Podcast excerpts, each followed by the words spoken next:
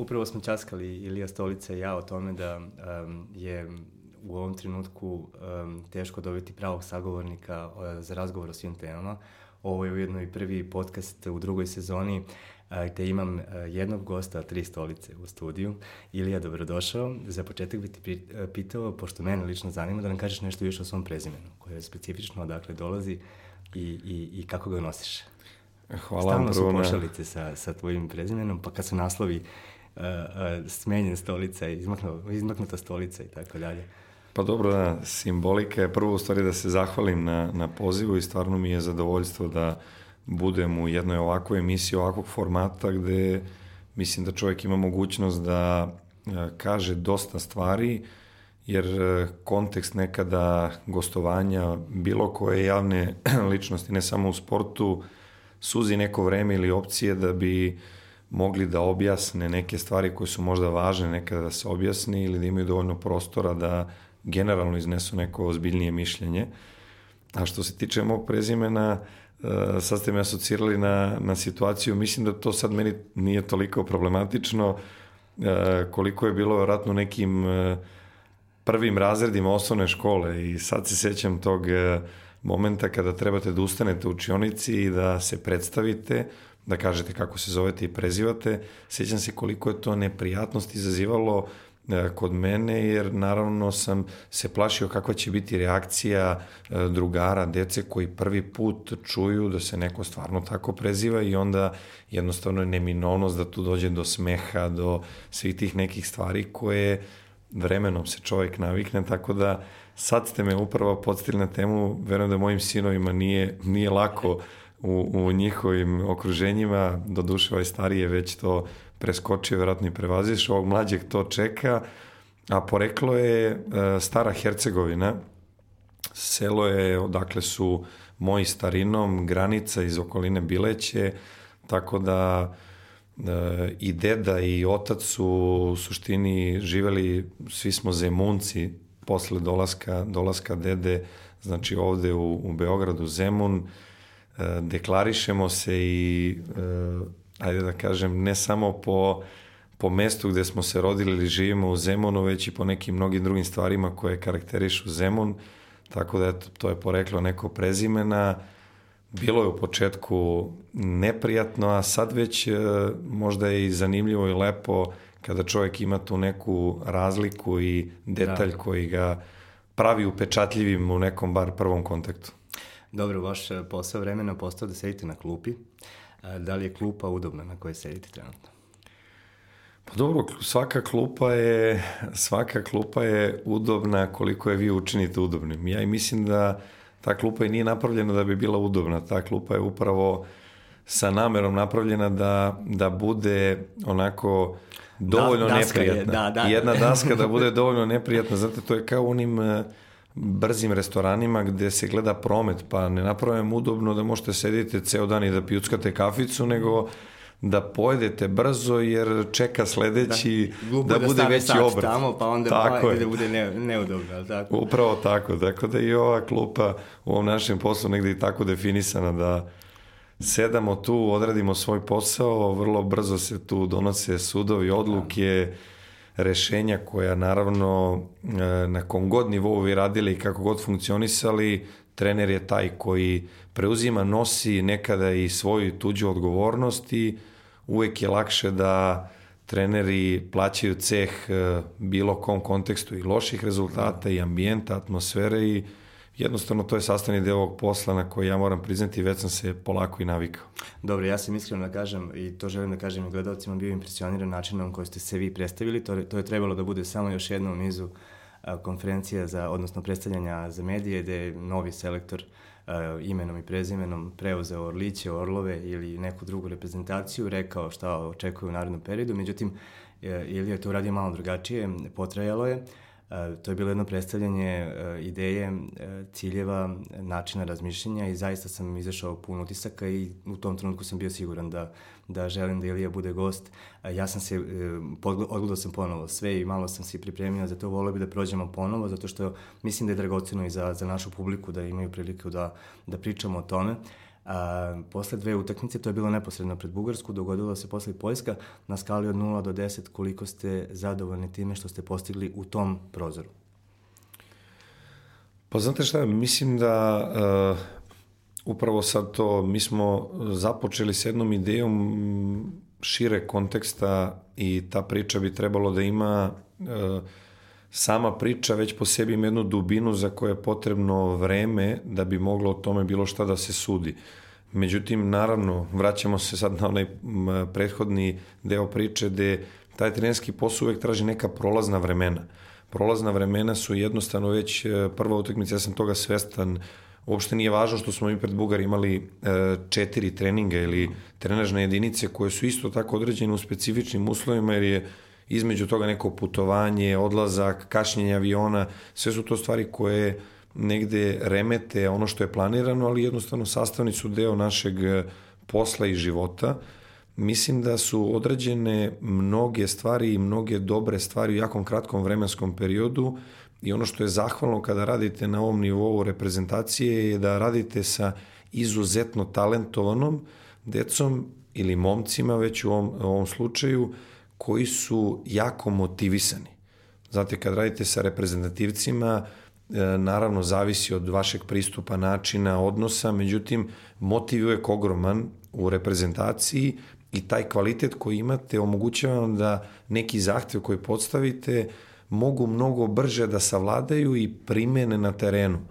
E, u jednu ruku ja bih to i definisao kao talent. Mi često imamo zabunu u struci ili ljudi kada definišu talent, mi to onako gledamo, oh, on je super talentovan, dribla neviđeno i on gura kroz noge super, žongler je veliki, međutim talent je upravo ovo, kada dobijete zahtev, koliko brzo ga obradite i primenite na teren. To je u stvari prava definicija talentovanih igrača. Ovi momci to u svakom slučaju jesu i ono što su oni uspeli da dobiju od nas i da primene je bilo za mene impresivno, Ono naravno što umanjuje tu neku ocenu e, koju bi trebalo dati posle utakmice je ta Poljska, jer mi smo opet svi naravno vezani za, za rezultat. Bilo bi fenomenalno da smo mogli da pobedimo obe utakmice, ali iskren da budem, mislim da bi to bilo malo nerealno za očekivati u ovom trenutku, jer imamo ispred sebe e, ozbiljne protivnike, imali smo od četiri utakmice, tri utakmice na strani, mislim da taj, e, taj žreb koji je u neku ruku donao nam takav raspored, nije nam išao, nije nam išao na našu ruku ili na nogu u futbalu, ali e, sama ta neka utakmica nam je otvorila ili pokazala ono možda što smo trebali da uradimo pred kvalifikacije, da, da pripremimo ekipu za pobede, poraze, za različite situacije koje se dešavaju u toku samog takmičenja ili jedne konkretne utakmice. Međutim, ja moram da budem, moram da budem zadovoljan jer jednostavno za tako kratko vreme mislim da je bilo puno dobrih i kvalitetnih stvari koje ja uzimam kao jedan temelj za nešto što bi trebalo da se dešava u budućnosti. Dobro, pred e, nama su još šest utakmica. A, možda je ova pozicija u kojoj na izgled sve e, izgubljeno, a nije zapravo i upravo sporazu od Poljske. Ja sam gledao taj meč i nismo nadigrani šta više trebalo je možda i da dobijemo ali je dobra, je dobar način na koji smo izgubili, zato što pretpostavljam da je vrlo poučan za svakoga u stručnom štabu i ekipi. Zanima me e, na, u odnosu na cilj koji ste postavili, a to je da jednog dana budemo prvaci Evrope, da li u mladoj ili senjorskoj, koliko smo mi odmakli i, i, i koliko je još potrebno da, da, da, da, da, da koračamo ka tome? Pa dobro, ja uh, i u tada kada smo to govorili, uh, kontekst te same priče treba da bude da nama cilj definiše pravac u kom treba da idemo. Nama cilj ne sme da bude opterećenje i ne sme da bude nikakva presija u tom nekom uh, kontekstu, naročito ne na igrače. Ono što je važno kada definišete velike ciljeve, uh, mislim da je suština definisana, definicanja nekog cilja u budućnosti upravo vraćanje na sadašnji trenutak i postavku situacije u svim segmentima koje možete da iskontrolišete na dnevnom nivou, da se ponašate kao da ste već prvak Evrope, prvak sveta, kao da ste najbolji u poslu kojim se bavite. Kada takav stav postavite ili, e, da kažem, postavite okvir, e, odnosa među igračima, odnosa stručnog štaba, odnosa sa medijima. E, vi jednostavno konstantno imate zacrtano gde ste krenuli, dajete svoj maksimum i to je jedino što možete da uradite na tom dnevnom nivou.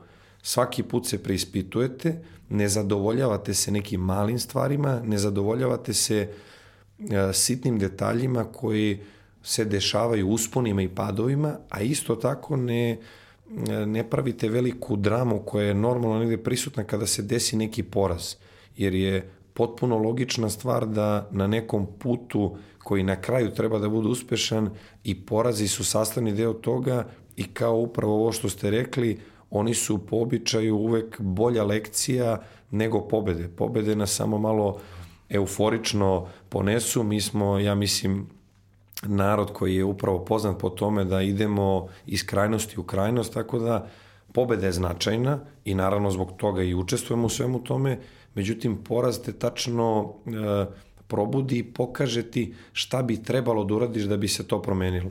Sad, opet se postavlja ono pitanje e, kontinuiteta, izbora ljudi, ko to može ili ne može da iznese, ko donosi ili ne donosi takve vrste odluka, ja mislim da je potrebno uvek vreme, naravno da vremena kod nas naročito nikada nema, međutim ja se ponašam samo u kontekstu e, logičnog zaključivanja, to je da kada se takva stvar desi, napravimo jednu analizu, isključivo smo usmereni na ono šta mi možemo da promenimo. Šta je do igre, e, šta je do detalja koji su pripremili na psihološkom planu, utakmicu, taktičkom, šta smo ispunili od nekih zahteva koje mi želimo da ispunimo i gde smo u odnosu na recimo konkretnog protivnika koji eto u tom slučaju bio Poljska da samo eto napomenemo oni imaju selektora koji je već e, dva ciklusa odradio e, u kontinuitetu radi na tom poslu koji radi i to su neke stvari koje su naravno važne i kada mi budemo došli u jednu takvu situaciju, onda će biti logičnije i zaočekivati neke ozbiljnije rezultate. Dobar povod za moje sledeće pitanje, kao da ste mogli da vidite, ali sumnjam da ovaj šrakopis ovde može da se prepozna. Vidim ja to pomalo, da. da. um, predstavili ste plan od nekih, ajde da kažem, deseta godina. U prethodnih 10 godina je 20 e, ljudi e, radilo u seniorskoj i mladoj reprezentaciji. Da li ste osetili e, da ste dobili punu podršku za to u Futbolskom savezu? Može se naslutiti po tome što ste dobili Saleta Ilića, tražili ste i Nenada Milijaša i njega ste tražili, imate mlad i perspektivan stručni štab, a da li ste dobili deklarativnu ili pravu podršku za to, čak i u slučaju da u početku ne bude rezultata ili da se oni malo duže čekaju, da li imate takav utisak? Pa upravo je to i bila ideja kada smo razgovarali i dogovarali se, ja ono stvarno što mislim da ni jedan ozbiljan čovek ne može da očekuje da na nivou futbala ili bilo koje profesije koja u svetu nosi jednu takvu težinu, rezultat može da dođe za 3, 4, 5 ili 6 dana. Mi naravno želimo samo instant rezultate jer je to ono što kupi poene kod nas na bilo kom nivou i ljudi se ne udubljuju ne ulaze u suštinu stvari jer je ovde nažalost ne samo na nivou sporta znanje izgubilo vrednost. Da. E, dolaskom Nenada Milijaša i Saše Ilića e, ne samo u, u stručni štab, već u naš futbal i mogućnost da takve dve veličine koje su legende naša dva najveća kluba. Legende, ja sam to rekao i na konferenciji štampu, jedna izuzetno teška reč, međutim mislim da je oni zaslužuju uh, ne samo uh, svojim futbalskim kvalitetima, već i odnosom koji su napravili upravo kod navijača suprotnog tabora. Bravo. To su dva čoveka koja nemaju uh, ni jednu mrlju u karijeri u kontekstu uh, svih uh, uspona i padova koje mi ovde prolazimo svakodnevno. To je u Srbiji jako teško postići i mislim da je uh, jako teško takve ljude uh, zadržati u, u futbalu, a da ne kažem u trenerskoj profesiji koja je izuzetno kompleksna. Ja sam bio oduševljen kada sam u razgovoru, ja njih stvarno poznajem, Nenada rekao sam i to, poznajem vjerojatno od momenta kada se on rodio, Saleta znam eto od nekih pionirskih dana ili igrali smo, igrali smo jedan protiv drugog, kasnije i zajedno od malena, Tako da e, su to dva čoveka koji izuzetno dobro poznajem, ne samo u ovom kontekstu kojim ih javno zna, već i kao ljude. I ja sam presrećan što su oni odlučili da budu deo cela ove priče. Kada pričate o nekoj sad u širem kontekstu podršci, to je nešto što naravno nikada nije do mene. Jednostavno, ja se uvek trudim da budem ispravan, iskren, E, direktan i da ono što ja vidim kao važno ili stav koji mislim da je presudan, ja iza toga stojim. Do sada u moje karijeri to je donosilo i neke odluke koje, kako bih rekao, nisu bile jednostavne i nisu bile uvek ispraćene u javnosti ili tumačene na način kako bi trebalo, jer je uvek postoji naravno taj moment gde se spinuje neka stvar ili dovede u kontekst ako se uh, iznese možda čak istina koja je nekada bolna pa ljudi ne žele da je prihvate. Međutim, ja sam takav i ponašam se u skladu sa tim i mislim da podršku opet e, možete da dobijete, ali to nikada nisu blanko stvari, niti treba da budu, već treba da je zaslužite u svakom pogledu. U početku ona mora da postoji, a kasnije mora da je taj neki vaš rad, odnos i naravno rezultat e, bude oslonac te podrške. Jedna od najčešćih kritika sa, sa ovog mesta iz prve sezone, uh, kada je Futbolski savez u pitanju, bile nepostojanje nekog e, principa, postulata igre. Delovalo kao da svako, svaka promena e, vraća stvari na nulu ili se vraća u par koraka unazad i onda krećemo iz početka. E, na vašem mestu je sedeo u prvoj epizodi druge sezone Vlada Matijašević, koji je i sam priznao da je pronalaženje nečega što je zajednička nit za sve generacije i neki stil ponašanja igre jako bitno. Vi ste to uradili i u tom smislu sam vas pitao da li su ljudi u Futbolskom savezu u onome što ste, kako vi vidite mladu reprezentaciju igru, prepoznali nešto što bi trebalo da bude DNK sutra celog, celog jednog sistema po vertikali i po horizontali. Ja iskreno verujem da, da jesu. Moja upravo ideja bila, spomenuli ste sad dosta važnih stvari, pa e, naslonit ću se prvo na, na ponašanje. Mislim da mi moramo da definišemo šta je model A reprezentativca, šta je model reprezentativca Srbije.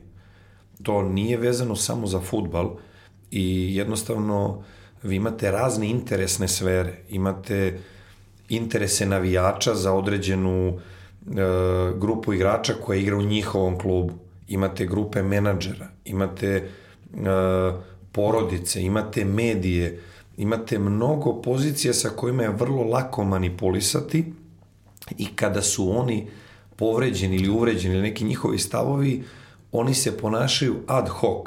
Jedan igrač iz ovog kluba, aha, to se njemu pravda, ali iz ovog, ne, ne, ne, to nikako ne dolazi u obzir, ili menadžer za svoj igrača, pa dobro, još je mlad, to je kod njega normalno, a za ovog drugog sram ga bilo i hoću da kažem da ako mi ne definišemo na nivou struke i ne možemo da iznesemo taj pritisak sa jasnim principima, prvo kažem pre svega ponašanja, onda smo u problemu. Ja ono što pokušavam i upravo se vraćam na ovo da jasno postavim postulate prvo odnosa i ponašanja unutar tima, da definišem to, naravno da uvek uzmem uh, i da uvažim da su to momci koji su mladi, koji prolaze kroz turbulentne faze u svom životu i da to uvek mora da se uzme u obzir razmatranje. Međutim, neko kažnjavanje uh mhm. -huh. potencijalno ili neka vaspitna mera u futbalu odstranjivanja trenutnog iz tima uvek mora da postoji igrača koji je pogrešio, njega ne treba niko da pravda ili da stane njegovu stranu zato što je on igrač nekog kluba ili je mnogo simpatičan ili nije, međutim mora da se kaže da, pogrešio je, da, bit će kažnjen, on tu grešku mora do kraja da okaje i onda na kraju može da se vrati kada vidimo da je momena da je on shvatio, da je to sazrelo kod njega i da se to neće ponavljati. Jer jednostavno ako dozvolite neke stvari da se dešavaju u mlađim kategorijama, a često se to dešavalo, moram priznati, onda imate upravo problem u A timu. Da. Jer uh, ti isti momci kada jednom prođu kao deca i ne budu kažnjeni za neku stvar ili ne budu ukoreni ili ne bude sa njima razgovarano na pravi način. Ako im se povlađuje samo zato što postoji interes da se neko negde proda, da neko negde igra, onda nam se sve to kao bumerang vrati u A timu, da imate možda vrhunske profesionalci i onda imate jednu grupu koja još nije ljudski igrački sazrela, pa ne može to da prati i doživljava frustraciju. Tu frustraciju pokaže na neki možda detinjast način, mi na to moramo da odreagujemo, bez obzira šta javnost o tome mislila, bez obzira koje ime i prezime u pitanju i onda to mislim da mora da krene iz mlađih kategorija. Ono što je meni opet važno da kažem i šta je teška stvar u kontekstu odnosa i futbala je polarizacija koja kod nas se upravo dešava na nivou uh, Crvene zvezde i Partizana. Mislim da je to uh, fantastičan rivalitet. Mislim da je to motor i snaga Ali našeg sporta. Ali najbolje iz njega nego najgore iz njega. A mi uzimamo najgore jer se koristi upravo za jednu, pa ne mogu da kažem, jednu tešku manipulaciju na svim nivoima. Sa navijačima se manipuliše užasno puno. Ljudi više ne gledaju da li je taj čovek koji govori, govori istinu, ispravnu stvar, ima ispravan stav, već se gleda iz kog kluba on dolazi, gde je igrao, koji klub voli. Mislim da smo mi svi Srbi. Nas su dovoljno delili istorijski i trenutno po različitim nivoima. Ne smemo da dozvolimo da sport koji služi u tome da nas objedini, koji služi u tome da se mi našalimo u kafiću i da jedan drugog, eh, ajde da kažem, čak i provociramo u kontekstu pobede ili poraza, ali ne da nas dovede dotle da, da jedan drugom postanemo neprijatelji i da neku svoju ličnu frustraciju koju nosimo iskaljujemo u kontekstu neke grupe, jer se u grupi osjećamo svi mnogo jaki. I dobijemo podršku. I onda tako. dobijamo naravno podršku, jer je to sad prihvatljivo, a nećemo da pogledamo istini oči i da saslušamo ono što je istina. Mislim da je to veliki problem e, trenutno svih nas, ne samo na sportskom nivou, nego i malo širem kontekstu, ali upravo na sportu se to ogleda svakodnevno u na tribini, na utakmici, u hali, e, u komentarima ljudi, u ostrašćenosti koja jednostavno prelazi jednu granicu i jednu krajnost gde mislim da mi svi koji smo od medija, od ljudi koji time se bave na nivou nekom e, državnom, do nas koji smo u sportu ne reagujemo dovoljno snažno, ispravno i kvalitetno, jer mislim da mi zaslužujemo jedno normalno društvo i mnogo normalnije od onog koje smo dopustili da sad trenutno bude model. Nažalost, jedna od tekovina uh, A reprezentacije, ali i mlađih su sukobi. Um, bilo ih je prethodnih godina, maltene svaki selektor imao nekog svog igrača za rivala, Radovan Ćučić i Dušan Tadić, um, um, Slavoljub Muslin i Sergej Milinković Savić, Siniša Mihajlović Nemanja Matić, Siniša Mihajlović Adem Ljajić, Uh, idemo dalje, Mladen Krstajić i nekoliko igrača, Luka Milivojević, Matija Nastasić. Uh, danas imamo potencijalno novi problem, vidjet ćemo šta će biti u novembru, Ljubiša Tumbaković, Luka Jović. Bez namere da se stavljamo u sudije, a, šta mislite da su uzroci tih sukoba, zašto do njih konstantno dolazi i da li je u tim situacijama bolje da javnost zna zbog čega je nešto nastalo ili da nagađa jer je uglavnom nagađala. Negde se samo kod Siniša i Adema e, znalo šta je bio problem jer su postojalo nešto što je javno, to je bio taj e, princip ponašanja mora da se peva himna, kad dečko nije otpevao prosto to je bilo to. Sve ostalo se pretvaralo u neke sage koje su bile onako dosta neprijatne, pune intriga, uvlačile druge ljude i naravno da je da je e, e, da su posledice bile očigledne, to ne moramo ni da pričamo. Pa dobro, nabrojali ste sve stvari koje ovo ja vam opet e, povezujem i vraćam na ono što je, što je jako važno. Imate jedan veliki problem, a to je da se struka i znanje ne uvažava dovoljno. Jednim delom, možda i većim delom je kriva sama ta struka i ljudi koji nisu se izborili za svoje pozicije. S druge strane, imate to što je odnos prema tome takav kakav iz razno raznih razloga, naravno možemo i, i nabrojat ćemo ih e, koji su. Ono što je meni važno je da kada postavite postulate, oni moraju da postoje prvo u mlađim kategorijama. Vi morate te e, mlade momke, e, tu, da kažem, decu, ne samo da futbalski obučavate, već morate da ih vaspitavate Ako ste vi kao čovjek koji ih vaspitava podložni raznoraznim stvarima, priticima, manipulacijama, ako vi niste osoba koja je stabilna, koja ima pre svega neku, da kažem, materijalnu osnovu da može da funkcioniše normalno u svom životu, pravite razne propuste. I ja moram da priznam da je takvih propusta bilo mnogo i znam da postoji mnogo takvih propusta na svim nivoima, pričam konkretno o mlađim kategorijama i onda se dešava da deca koja trebaju da nauče upravo ono što sam govorio u prethodnom pitanju, da nauče lekciju. Znate, kada dobijete da. na kontrolom iz matematike jedinicu, vama niko ne upiše peticu zato što ste vi sin od Ilije Stolice. Jer Ilija Stolica kao otac bi bio, uh, ne mogu da kažem, neprijate svoga deteta ako bi želao da mu se upiše petica, on zaslužuje jedinicu jer moje dete će platiti za tu grešku onda kada, nažalost, bude mnogo skuplje i mnogo teže. Kada naučite dete u mlađim kategorijama da je tim ispred svakog, da mora da se poštuje saigrač, bez obzira što svi oni dobijaju poruke, razne razna egoistična usmerenja, ti si najbolji, pa svaka, svaki roditelj misli za svoje dete da je najbolje svaki menadžer svog igrača e, podržava, usmerava, podizilazi, jer, ajde da ne kažem samo što, verovatno možda postoji lični odnos, ali uvijek postoji interesni odnos koji je prisutan. E, kasnije se pojavljuju devojke, porodica, žene, što je normalna stvar. Oni od tih ljudi i treba da dobiju podršku, ali ne podršku e, tipa koja će odvesti u neku krajnost ili ih dovesti u poziciju da im to bude problem u kontekstu grupe. I da razumeju je, zašto se nešto dogodi. Tako je. Tako. Znači, futbal je timski sport. Znači, timski sport stavlja tim na prvo mesto. Svaki pojedinac je od ogromnog značaja, igra on jedan minut ili 95 minuta, međutim, tim je ispred svih. E sad, ove sve situacije koje imate, ono što je simptomatično dok ste ih nabrajali, nažalost, ishodi su, neću da kažem uvek slični, da ne kažem isti u tim e, takozvanim sukobima obično mediji možda zbog nedovoljne informisanosti, možda zbog nedovoljne otvorenosti tih strana šta se izdešavalo, jer postoji jedno nepisano pravilo da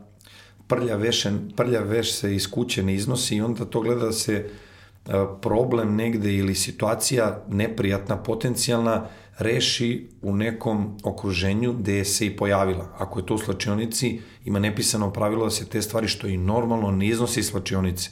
Međutim, mediji u velikoj većini slučajeva, što je opet i logično, staju normalno na stranu igrača i treneri su ti koji plate ceh. Svi ovi ljudi su platili ceh koje ste nabrojali. Ono što je, upravo ste i naveli jedan model gde je postojao princip. Ako trener postavi princip, igrači se slože sa tim, onda je vrlo jasno i precizno da li si nešto prekršio ili nisi. Ako je neki igrač potencijalno napravio problem, kako god se on zvao, koliko god godina on imao, što je mlađi, veća je mogućnost da ćete moći da utičete na, da ne kažem, jednog mladog momka, mladog čoveka koji je prošao u životu mnogo stvari koje da ne kažem običan čovek ne proživi verovatno za čita svoj životni vek, on to proživi u godinu dana.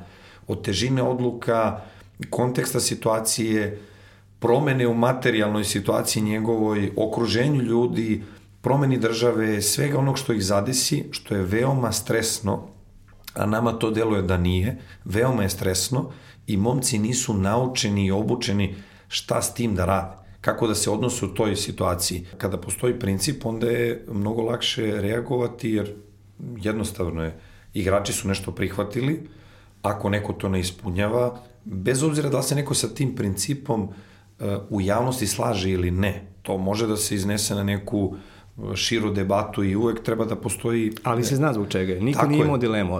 Adem nije otpevao himnu. Znaju se razlozi. I, i to je to. Upravo da. to. Ja, ja sam stvarno pristalica da, da ljudi moraju da znaju nekada razloge. Mi moramo da rešavamo uh, taj prlja veš, mora da se reši u okviru slačionice, u okviru tima, u okviru kluba, u okviru saveza. Međutim, ima jedan moment kada jednostavno ljudi počinju da nagađaju, da pretpostavljaju. I onda tu razne interesne sfere u tome plivaju, iznose poluinformacije, spinove kako njima odgovara i ljudi u odnosu upravo ovo na ostrašćenost, opredeljenost, bilo koje vrste, klubske, nacionalne, donose zaključke ili odluke u odnosu kako se osjećaju taj dan. Ako ga zateknete da ga iznervirala žena, vi ste najgori čovek i on sve frustracije prazni na vama, što je normalno i svaka javna ličnost sa tim stvarima mora da nauči da se nosi i da živi. Međutim, u kontekstu e, reprezentacije, vi jednostavno te stvari e, morate da sprečavate, odnosno da probate da napravite e, da predupredite nešto, da definišete odnose već u mlađim kategorijama, da bi ti momci tu tranziciju, taj prelazak lakše mogli da podnesu prelaska u seniorski futbol. Međutim, kada se tako nešto desi, bez obzira ko da je u pitanju, e, koliko godina onda ima, pričali smo o tome kad je mlađi, naravno da će imati više mogućnosti i za popravni, e, više prostora za priču, mi moramo da budemo i pedagozi, i psiholozi, sve su to stvari koje su e, normalne i prihvatljive. Međutim, kada si pogrešio, ti tu kaznu moraš da, da odslužiš. To je mnogo prosta stvar, jer ako je ne odslužiš, dao si primer svima ostalima da jednostavno tako može da se funkcioniš. Ja mislim da to vuče korene iz mnogo ranijih vremena, ne ovih sada. Ovi momci sad žive u mnogo bržem svetu. Da. Pričali smo malo pri društvenim mrežama i raznoraznim stvarima koji ubrzavaju procese. Vi ste imali pre 20 godina, 30, 40 velike zvezde kod nas, neće da se probudi za trening I onda, naravno, pa neće javno stati uh, kada trener kaže ne možeš tako da se ponašaš. U našim drugim sportovima, to znam pouzdano, recimo u košarci, koliko god neko bio velika zvezda, selektori su imali integritet i treneri da kažu da, da, to si sad uradio i nikada više nisi deo ovoga tima do daljnjeg. I ti momci su imali svest da shvate, bez obzira da li sam ja možda najveći košarkaš, sveta u tom trenutku, da. ja moram da prihvatim da sam ipak deo tima, jer nisam jedan jedini. To je Vlade Divac pričao, koji je bio, eto, Tako je. naš uh, lider u NBA ligi, prvi je... koji je otvorio vrata mnogima, ali je zbog kašnjenja, jer je volio da spava spavalica, dobio ozbiljne... ozbiljne uh, Tako je, pa upravo, upravo ta priča koju je to već poznata je, vam govori jedan fantastičan detalj. Sad zamislite veličinu tog trenera, koji treba da donese jednu takvu odluku i da napravi jednu takvu reakciju u odnosu na igrača koji u tom trenutku je, pa neću da kažem, ali sigurno naš najveći igrač ovaj koji je napravio toliko velikih stvari za Srbiju, za srpski narod, za našu košarku, nije u naj, ne moram da pričamo o ko je Vlade Divac. I sad zamislite veličinu njegovu, koji to shvata na taj način, ne proradi njegov ego i sueta, ne proradi ono što svi nosimo negde u sebi da doživimo to na ličnom planu. Jer tu se ne radi lično da je tebe neko lično povredio ili uvredio. Da. Ti si tu reprezentativac, ti tu nisi Vlade Divac ili Ilija Stolica neko privatno lice koje je došlo na kafu. Ti si tu u kontekstu reprezentativca ili trenera ili selektora. Moraš da snosiš odgovornosti i posledice, bez obzira kolika je tvoja veličina. Mi imamo problem da sa tim nekim stvarima se suočimo I onda kada se te stvari dese, šta ćemo mi bez ovog igrača ili onog? Timski sport je timski sport. Svi su zamenjivi, da. kako treneri, tako i igrači. I ako postavite jednostavne stvari, ako date ljudima zahtev i svi se ponašamo u, kontekstu sa tim, ne možete da imate velike probleme. I kad se problemi dese, kažete u redu, ti nam kao igrač sada bit ćeš kažnjen, nećeš biti deo grupe, nećeš biti pozivan, koliko god to vremena bilo potrebno, ali ćemo te imati za pet godina ili četiri godine ili tri ili godinu dana kada budeš naučio lekciju, kada tvoja poruka bude poslata mlađim generacijama iza tebe koje dolaze. Jer oni sada gledaju kakav će odnos biti i ko prolazi bolje. Kod nas se često dešava da, da ovi koji su da. drski, bezobrazni, zato što imaju takozvanu neku zaleđinu u nekom kontekstu, menadžera, klubova, nekih struktura raznoraznih, oni prođu bolje. E pa to ne može da funkcioniše tako ako želimo, upravo se vraćamo ono, da budemo prvaci Evrope ili sveta. Jedna od važnih stvari u košarci gde smo osvojili sve što smo osvojili je upravo ova koju ste na, naveli kao primjer. Um, ja bih se sad vratio na futbol i um, pričao o tome da uglavnom pričamo o neuspesima, ali nije da nismo imali uspeha. Um, pogotovo u mlađim kategorijama, mi smo svetski prvaci bili 2015. godine. Vaš kolega Veljko Paunović uh, će prosto jedno, ostati upamćen do kraja, ne znam koliko još decenije i vekova. Uh, zašto mislite da je on bio uspešan? Šta bi bio u nekom kvizu uh, vaš odgovor? Šta je radio dobro i napravio to što je napravio? Pa upravo sad ono što hoću da kažem, uh, kao što sam i govorio ovo za igrače, ista, ista stvar je za trenere. Uh, previše se mi u svim tim situacijama, nažalost, a to je istina, oslanjamo na uh, individualne stvari. Pojavio se neki Veljko Paunović, pojavio se neki Ljubinko Drulović, koji je bio toga, da. pre toga prvak Evrope. To, je, to su toliko veliki uspesi. Uh, ja neću da kažem da je teško porediti futbal sa ostalim sportovima, ali mi moramo tu da budemo realni da kažemo da je tako. Futbal na globalnom nivou e, nije za poređenje sa ostalim sportovima iz raznih razloga. Mislim da kada ste prvak sveta u futbalu, ako saberete samo broj klubova, broj igrača, e, količinu novca, saveze koji učestvuju u svemu tome, programe koje oni prolaze, selekcije koje imaju, potencijal, istoriju, tradiciju, biti prvak sveta je nestvarna stvar. Mislim da je Veljko napravio jednu Veljko. Opet, e, ne volim kada bi smo mm. pričali, Veljko je, kako bih vam rekao, ja Veljka mnogo dugo znam i e, jedan, jedan fantastičan čovek, a s druge strane e, jedan radoholik, čovek koji je toliko posvećen svom poslu da je to fantastično videti. Takav je bio kao igrač, takav je i kao trener. Ono što je važno je da ta priča nikad ne dođe e, povezana sa jednim trenutkom, jer osvajanje svetskog prvenstva je trenutak.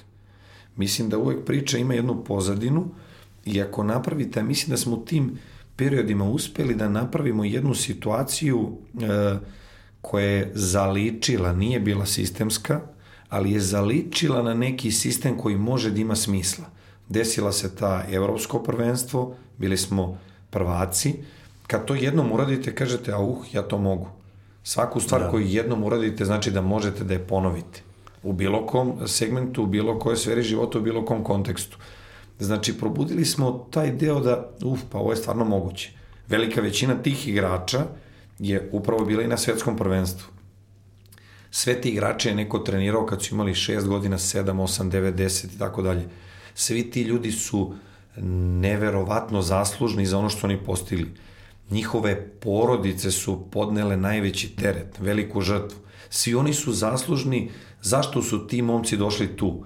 To je sve znao da objedini taj jedan čovek, taj Veljko Paunović, koji je svu tu priču i šire konteksta znao da usmeri i pokrene ka jednom cilju do onoga dokle su oni došli. Već se to pre svetskog prvenstva pričalo i ljudi su to nekad sa podsmehom doživljavali, naročito tada u početku i znam da ih je ispratilo samo dvoje ljudi na Novi Zeland, ja. što ide na, na dušu svih nas, e, svih nas kad kažem, mislim na Srbe kompletno kao naciju, a ujedno i na medije, tako da e, tad se videlo koliko se veruje u tako nešto. Ono što bih ja izvukao kao poruku iz te priče i što i sada nosim kao neki žal, a često sam pričao s ljudima u Savezu, pokušavao sam da pričam na tu temu, mi smo imali prvake Evrope i sveta. Mi nijednog trenutka nismo znali da to brendiramo. Mi nijednog trenutka nismo znali da kažemo, čekajte, stvarno smo toliko loši. Pa dajte malo da se zapitamo, da li smo da. mi toliko loši ako smo mi prvaci Evrope i sveta. Mnogo tu ljudi učestvuje, mnogo je to širok pojam u futbalskom svetu, da bi se to krenulo i reklo, da, ma to je jedna grupa. Da, da, jeste jedna grupa ali ajde da vidimo kako smo mi to uradili. Ajde da to napravimo jedan model kako je to funkcionisalo. Ajde da iz tog modela izvučemo sve najbolje, a da nešto što možemo da popravimo, popravimo i onda da napravimo brend srpske škole futbola. Ajde da mi kao što rade Španci, Portugalci, Nemci, da ne nabrajam te neke nacije koje nose epitet ajde možda i u svetskim okvirima, ne samo evropskim, najkvalitetnijih i najboljih nacija ili saveza sistema u futbalu, oni su pokrili razne zemlje od e, istočnih zemalja gde postoji tržište gde bi naši treneri, možda koji nemaju potencijal da budu na nekom nivou lige petice, lige šampiona, pa ajde tamo na tom tržištu da mi predstavimo naš proizvod, ali u okviru jednog sistema, u okviru jedne jedinstvene ideje, međutim, nažalost, kod nas je to, čak sam nailazio na komentari na ljude koji su rekli da nam je to napravilo možda i veće štete nego koristi, jer nas je to uspavalo i tako dalje i tako dalje. Verujte mi, ima, ima takvog razmišljanja, ima takvog stava, jer Teško se noći sa, pre, sa uspehom onog pre tebe, čak i ne želiš da ga potenciraš. Pa mislim da je... Jer je to negdje i breme, ili tako? Tako je, mislim da je to, uh, neću da kažem uvek stvar individualnog zaključivanja ili odnosa, međutim, uh, nismo poentirali, da. nismo izvukli benefit koji smo trebali da izvučemo iz jedne takve situacije, a mislim da još nije kasno. To je bilo relativno skoro, Mislim da su ti momci tu su. upravo sada na, Zre, na, na pragu A tima i velika većina njih je već u A timu. Ako imate grupu momaka i grupu ljudi koja nosi šampionski gen, da. to je mnogo teško zaslužiti, to je mnogo teško postići, a onda to ne iskoristiti, mislim da bi to bila tragedija svih nas u futbalu i upravo zato vam kažem, ako se nešto tako desilo jednom, uvek može da se desi. Mene nekad nazivaju uh,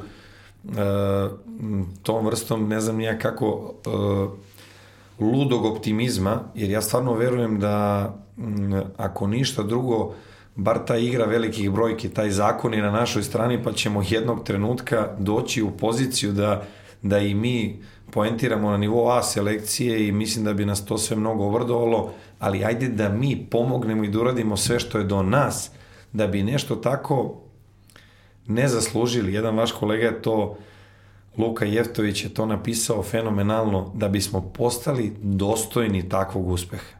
Mislim da prvo moramo da postanemo dostojni takvog uspeha, a mislim da ta promena nije na nivou jednog čoveka, jednog čoveka u Savezu, da. jednog čoveka u Srbiji, jednog čoveka u timu, jednog selektora, jednog predsednika, jednog igrača.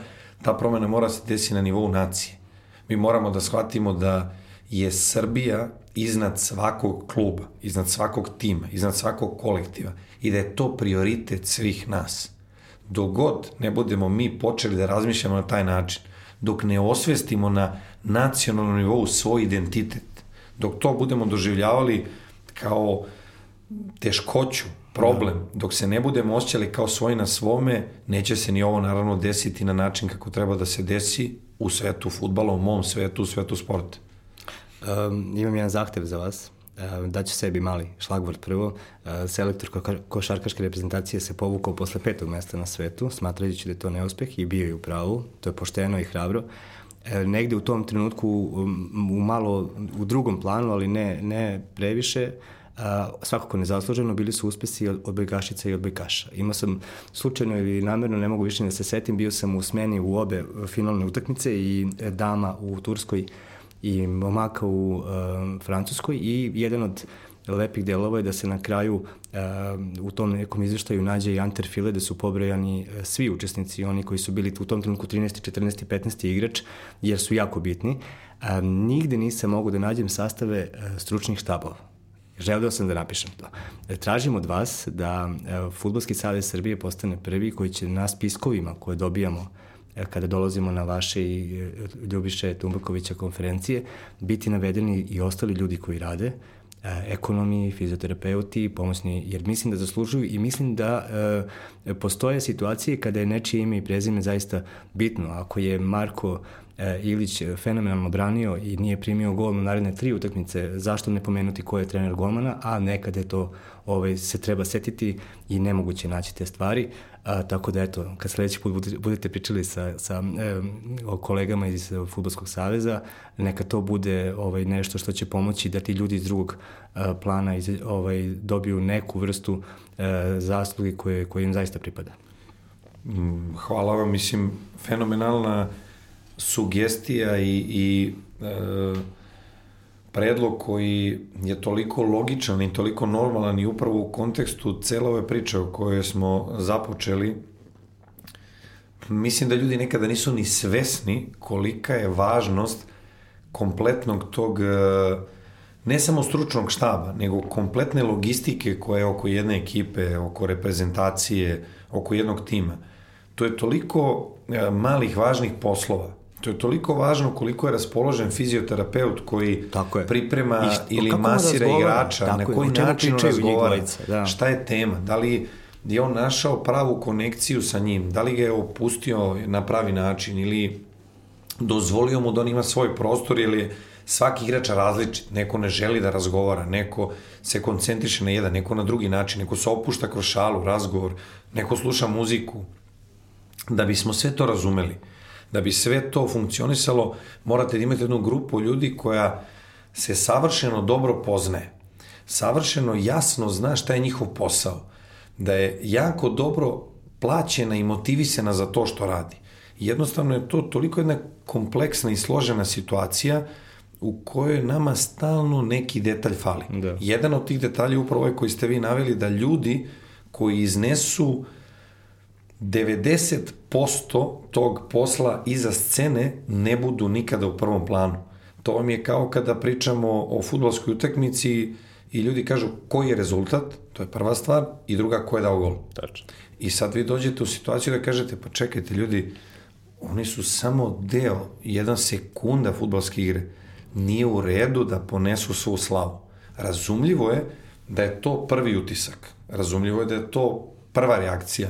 Međutim, ako stvarno analitički se bavite ili učestvujete u tome, pa potpuno je nelogično da ljudi ne znaju ko je ekonom, koji recimo e, moramo eto gospodina Papricu pohvaliti, bio je sa nama i u e, Sofiji u Bugarskoj i u Lođu u Poljskoj, on odradi toliko veliki posao da ljudi kada bi videli čoveka koji je u goloj vodi od znoja u trenutku kada mi ulazimo u avion, jer sve torbe, sva oprema koja tu prolazi, sve rekvizite, jedan čovek vodi računa, da. verujte mi, to je greška neverovatno, je greška je problem cijelo, ogroman. Da. E sad imate organizatore puta, sekretare stručnih štabova, pa vi da ispunite sve želje svakog e, od selektora, trenera, neko raspolože, neko ne, neko bi da sedi ovde, neko tamo, neko ovako, neko onako, jednostavno sistemski kada to rešite, mnogo je lakše funkcionisati. Da biste rešili to sistemski, vi morate da imate neki kontinuitet, e, odnosno definisana pravila i da bez obzira na kom nivou čovjek dolazi u savez, on zna šta može, šta ne može, šta su njegove odgovornosti, zaduženja i sve ostalo što se očekuje za tu poziciju. Sigurni budite da ću ovo ne samo uvažiti, nego sa zadovoljstvom prihvatiti, jer mislim da je ogromna greška svih nas da ljudi koji nose veliku odgovornost i važan su deo tog celog procesa, ne budu uvek prisutni i pomenuti sa jednakim uvažavanjem kao Tako svi je. ostali koji Tako su, koji su tu. Je. Ovo je 23 igrača, a ovo je stručni štab i... U potpunosti ste u pravu i to je toliko na mestu i drago mi je što ste spomenuli uh, pre svega trofejne sportove koji su nekada u senci, u nepravednoj senci uh, futbala, ali je suština da upravo mi pokušamo da naučimo sve ove stvari koje smo spomenjali od odnosa prema igračima, odnosa prema nacionalnom timu, malo smanjivanje ega i suete i razumevanja sistema koji je napravljen u košarci gde je jedan čovjek vjerojatno usmerio čitave generacije trenera, jer sve kreće od struke, mi možemo toga da bežimo koliko god hoćemo i ljudi obično beže od znanja, od vidite i sami koliko ja pričam, pa onda često dobijam epitet eh, da previše negde filozofiram, međutim, ja mislim da je jako važno pričati i jako važno ljudima objasniti kompleksnost toga. Nekada futbal, kada slušate sa strane komentare ili ljude, kažete, a pa to, ovo možda vodi svako. Šta mi komplikuje što je jednostavno? Nije to naravno baš tako jednostavno, futbal je fenomenalna igra i futbal je jako lepa igra i jednostavno ako se gleda u kontekstu da lopta treba da bude u mreži, a da naša mreža ne bude netaknuta. A put do tamo? Put do tamo je različit. E, evo navešću jedan mali primjer od sinoć, mislim da je pre, preksinoć. Uh, Dries Mertens je dao 120 i neki gol za Napoli i preteko je Diego Maradonu. I proslava gola je bila specifična, jer je on u, u Salzburgu u tom trenutku nešto igrao i polulastivno je izgledalo, jer su ruke bile blizu grudi i onda je naravno bilo pitanje uh, zbog čega se to desilo, šta, šta je značila ta proslava gola. Uh, desilo se da um, um, momak koji kuva kafu futbalerima Napolija koji je veliki navijač Napolija, nije mogu da putuje s njima. I Insigne mu je posvetio svoj gol i Dries Mertens je posvetio svoj gol, dobili, dobili su 2-3 uh, utakmicu. Um, to je tip uh, koji je verovatno neke vedro, vedrog duha. Uh, njegov zadatak je da napravi kafu kako svako od njih voli, to je vjerojatno barmen u, u aj sad ja malo projektujem šta bi moglo da bude centru, u, u sportskom da. centru tamo. On nije mogu da putuje s njima iz nekih privatnih razloga i njih dvojica su posvetili golove e, čoveku za kog da se to nije desilo niko, vjerojatno od njih 20 u slačionici ne bi znao da, da postoji. Eto, to je možda i prilika da, da ljudi razumeju koliko su neki, koliko je bitno da svako bude na svom mestu i ekipi, da svako doprinese jer ako su se oni automatski setili da, da, da, da on nije tu i da, da oni žele njemu da, da, da, da eto, pokažu koliko je bitan i koliko fali, onda ne možemo da kažemo da je nebitan ni ekonom, ni fizioterapeut, ni pomoćni trener, ni, ni predsednik saveza, ni vozač u autobusu. Eto.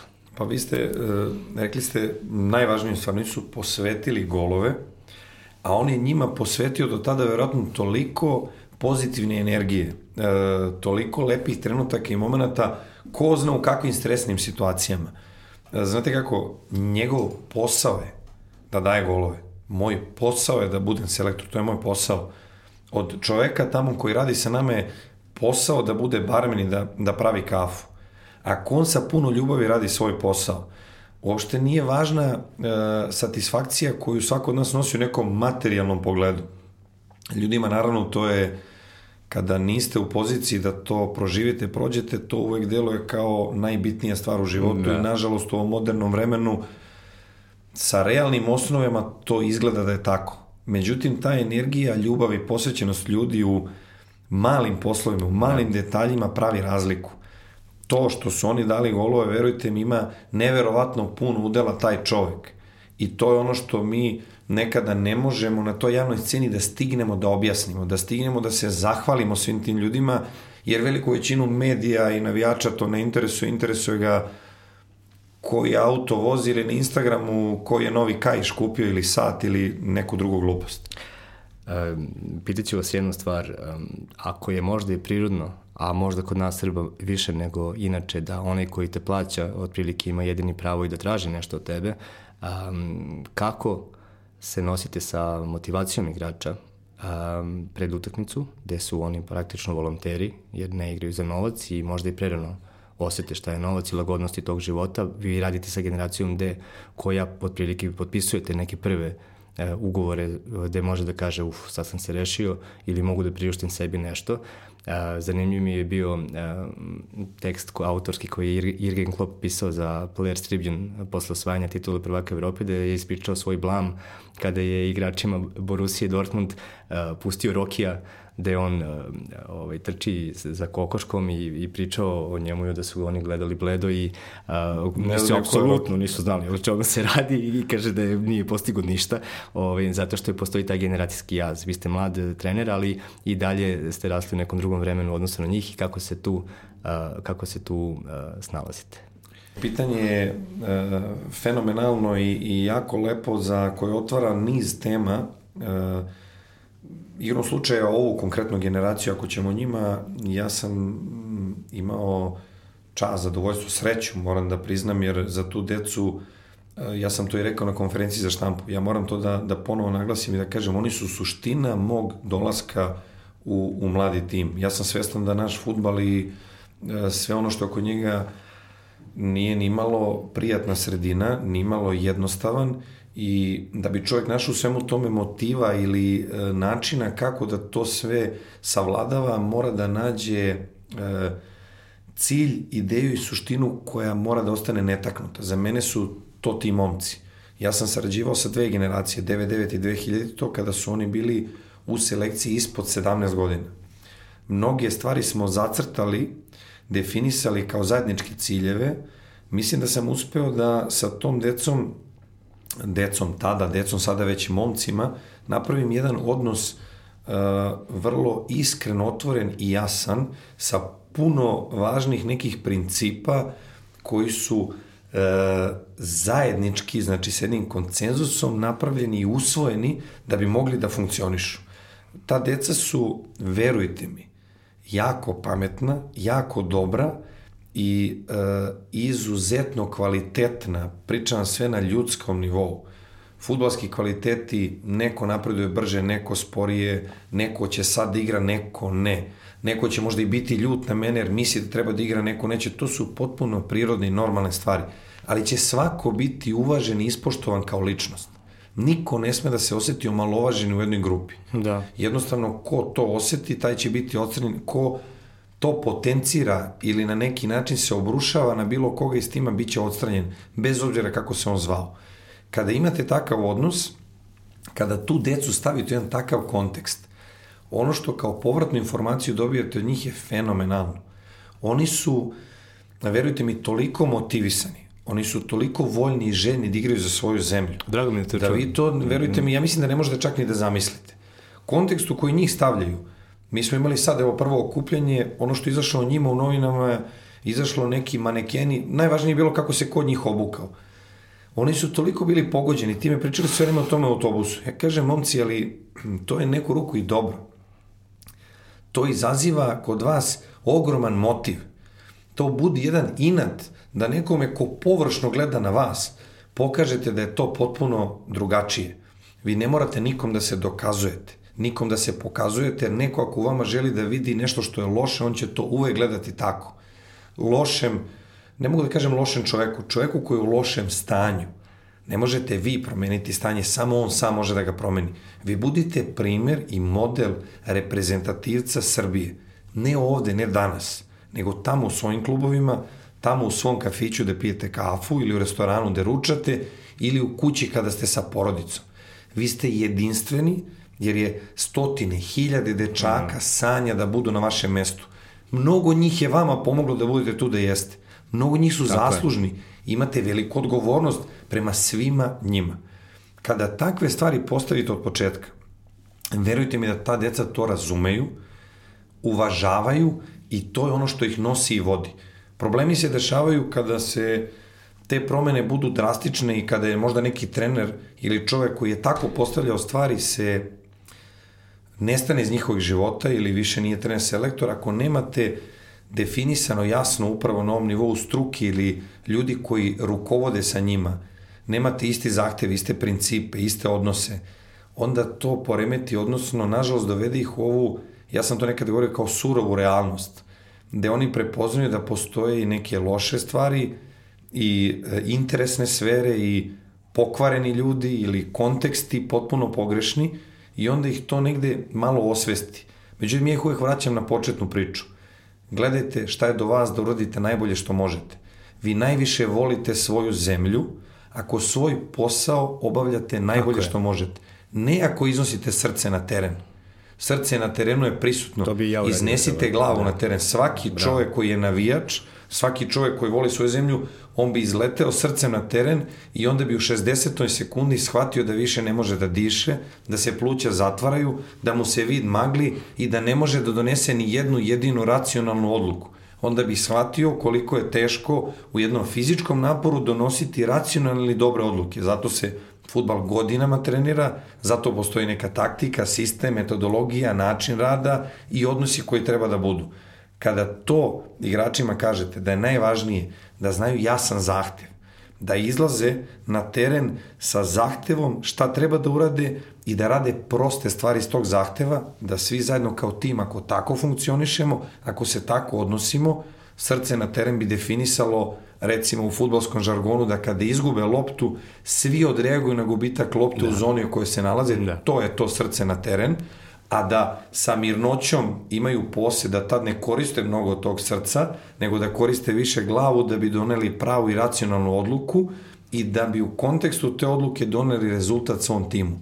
Jer tada oni najviše vole svoju zemlju, tada su najveće patriote i tada nikog ne lažu sa nekim floskulama ili nekim stvarima tih 110 da. čuvenih posto Ja nikada nisam shvatio kako može da se 110%... Kako se izračuna? Kako se dođe do ne, ne znam, znam da 100% bi mogao da razumem nekako u kontekstu i, i nauke i bilo kom drugom, ali 110% mi deluje da je jako teško proceniti ili, ili videti da to neko pruže? 100% je e, ono što je, e, bi trebalo da bude u, u Futbolskom savezu Srbije kad se uđe 100%, to je trk Nemanje Maksimovića u 120. minutu finala svetskog prvenstva od polovine terena sa igračem za leđima posle tri produžetka u prethodnih, prethodne tri runde, gde spoljnom na kraju tog trka sprinta a, probacuje golmanu loptu kroz noge i Srbija postaje prvog sveta, to je 100%. Sve ispod toga je 99, 98, 97 i do 30 možemo da siđemo mm. ako bismo merili. Eto. Naveli ste fenomenalan primjer, samo bih dodao jednu stvar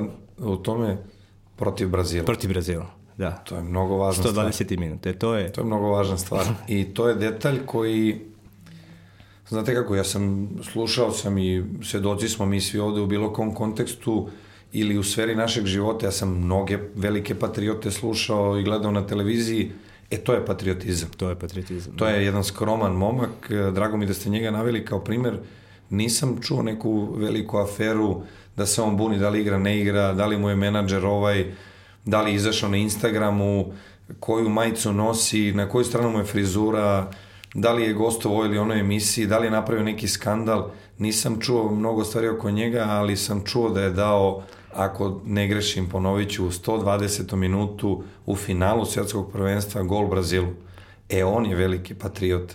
Nije patriot ovaj što mnogo galami priča i kada treba da sprovede nešto u delo za svoju zemlju na bilo kom nivou, ne pričamo ovde više samo naravno o sportu i futbolu, nego na bilo kom nivou on to ne uradi. E, to nisu patriote, a ovo je veliki patriot. Video sam, evo, za kraj da vas pitam nešto što je i, ajde, na kraju i društvene mreže, mobilni telefoni, e, laptopovi, a, ostajanje duže buda nego što jeste Sony PlayStation i ostalo, zbog čega je bitno da a, igrači i svi mi držimo u određenim situacijama telefon na silentu. Pa dobro, kontekst mora da bude uvek uvažen u vremenu u kojem mi živimo. Mi ne možemo tražiti više od mladih generacije i dece da se ponašaju kao što smo se mi ponašali u smislu verovatno svi koji imaju ili imate malu decu kao i ja često tražim da igraju manje igrica. I onda dobijete odgovor, ali svi drugari igraju. Kako ja da budem izošten, izopšten iz društva. Tako je. Jednostavno e, moramo da nađemo kreativan način da deci približimo važnost e, sporta. Oni taj sport ne smeju da doživljavaju e, na način kako smo mi kao mali doživljavali da jedemo boraniju. Da. Jednostavno da prisilom kada šta kada bilo šta pokušate da uradite, koliko god da je vaša namera dobra ili plemenita, vi ne ilazite na otpor mi moramo da kao stariji odrasli, trebalo bi, ne moramo ništa, ali bi trebalo, da nađemo načina, kreativnijeg načina, kako da približimo njima koliko je važan ljudski odnos, koliko je važna komunikacija, koliko je važna priča, koliko su recimo u tom jednom timu svi oni jako slični, da. koliko slične probleme imaju, koliko su nespremni, malo pre ste spomenuli za situacije da kada zarade neki novac, koliko ne razumeju još kontekst da će im se pojaviti tone dobrih prijatelja, velikih savjetnika koji ih mnogo vole i mnogo cene, jer im interes da budu tu. Koliko im je važna porodica koja je uz njih propatila i žrtvovala se u jako teškim trenucima. E te stvari da biste mogli da približite, morate malo da distancirate tehnologiju. Jer sada se ljudi bude da prvo pročitaju šta je u novinama ili šta je na mailu ili šta je na Twitteru, Instagramu ili šta je sve prisutno. Međutim, morate dostaviti onih pola sata da prepoznate ko tu živi oko vas. Da li je sve u redu, da ste srećni što su svi, Jel mama dobro, daj Bože zdravo, da li je mama dobro, da li su svi nasmejani, da budete deo i sreće i tuge okruženju u kom se nalazite. Ova tehnologija vas udaljava od tih emocija, a emocije su uh, ne samo sastavni deo života, već je veliki deo futbalske igre, veliki deo svake igre. Ta emocija da bi bila pozitivna, vi morate da imate kontakt sa svojim kolegom, čak i ako ste u svađi, u zavadi, čak i ako on se čini da vas on nešto ne voli. Kada popričate sa nekim, vidite su vam motivi isti, pa i on bi želao da igra i ti bi želao da igraš, sad samo tu svako traži svoj neki prostor kako da se namesti ili kako da se nametne pogrešan je put kad ne komunicirate, jer kada komunikacija ne postoji, onda konflikt je neizbežan. konflikti su naravno opet i nekada i dobri, jer te nateraju na komunikaciju i odnos bez obzira koje su posledice prethodile, ali ono što je meni važno je da uspevamo za sada da njima damo njihovog prostora i da razumemo da oni moraju da budu deo modernog sveta i socijalnih mreža i svih tih okolnosti, ali isto tako uspevamo da ih kroz neko obično malo druženje, kroz neke igrice koje su zabavnog karaktera, pokrenemo tu emociju i usidrimo kod njih osjećanje da u grupi mogu možda i mnogo lepše da se provedu nego sami kucajući poruke da. na, na nekom telefonu ili, ili kompjuteru. Nećete ih imati od, bar na jednom mestu od, od novembra 2019. do septembra 2020. Sad što ja lično mislim da bi te kvalifikacije trebalo da stanu mesec dana i da se odigraju cele. To je već nešto drugo, problem možda samo jedan podcast tome samo da posvetimo. Kako ćete biti u kontaktu sa njima do, od Rusije i Estonije do tamo, ne znam šta dolazi posle, u septembru 2020. Pa ovako ću vam reći ono što bih mogao da zaključim ili da kažem što mi se ne dopada i ono što je meni, e, što meni smeta u poslu selektora. Moram iskren biti, ja sam pre profil čoveka e, koji voli da radi na dnevnoj bazi. Naročito sa grupom ljudi koji imaju ispred sebe, jer e, ti to daje za mogućnost i priliku da svakodnevno se suočavaš sa situacijama koje su ispred nas, ne samo vezano za igru, za korekciju u smislu taktike, e, primene onoga što želimo na terenu, već i svim ovim drugim stvarima na koje bi trebalo ili me moj posao obavezuje da, da utičem. E, nije to, e, slažem se sa vama, dobro organizovano i po mom viđenju. Jednostavno, igrači u sadašnjim okolnostima imaju ogroman broj utakmica ne gleda se više na futbal uh, u kontekstu kvaliteta predstave, nego se gleda da to bude što je uh, više moguće sa većim brojem utakmica, da donosi veću zaradu, veću korist, sa većim brojem takmičenja, nagradnih fondova, sponzora i sve to postoji jedan surovi biznis gde zaboravljamo da su igrači centar sveta, da su igrači ti zbog kojih mi gledamo utakmice, da su igrači ti koji nose najveću odgovornost i da su igrači ti čije zdravlje i život najugroženiji. To sada ne deluje tako dok su u nekom jeku i dok je kulminacija, međutim ono posle što sledi nekada je upečatljivo, bolno i, i loše. Jednostavno e, ne videti svoju ekipu ili grupu ljudi, grupu maka sa kojima radite, jedan duži vremenski period je e, problematično na svim osnovama. E, od futbolskog zahteva, navika koje formirate, automatizama koje bi trebalo da postignete na treningu, e, do nekih međuljudskih odnosa, u tim godinama u kojim su oni, da, oni dođu kao drugi ljudi. Potpuno drugi da. ljudi. Verujte mi da mi tu imamo, u ovoj sad mladoj reprezentaciji imamo pet različitih generacija. Jednostavno neko je fizički nije još potpunosti možda se razvije sazreo, vi vidite potpuno fizički drugu osobu, ne samo mentalno.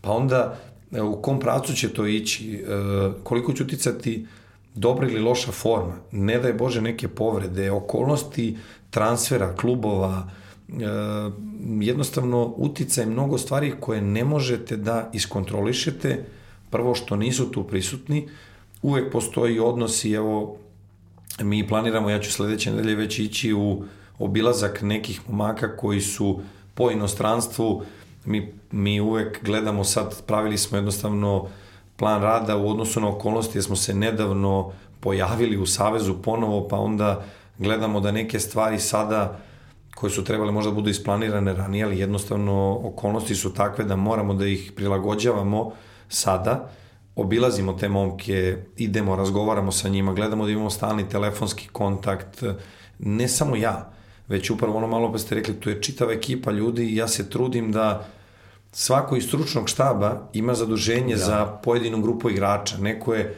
sa nekim blizak po poziciji koju je nekada igrao.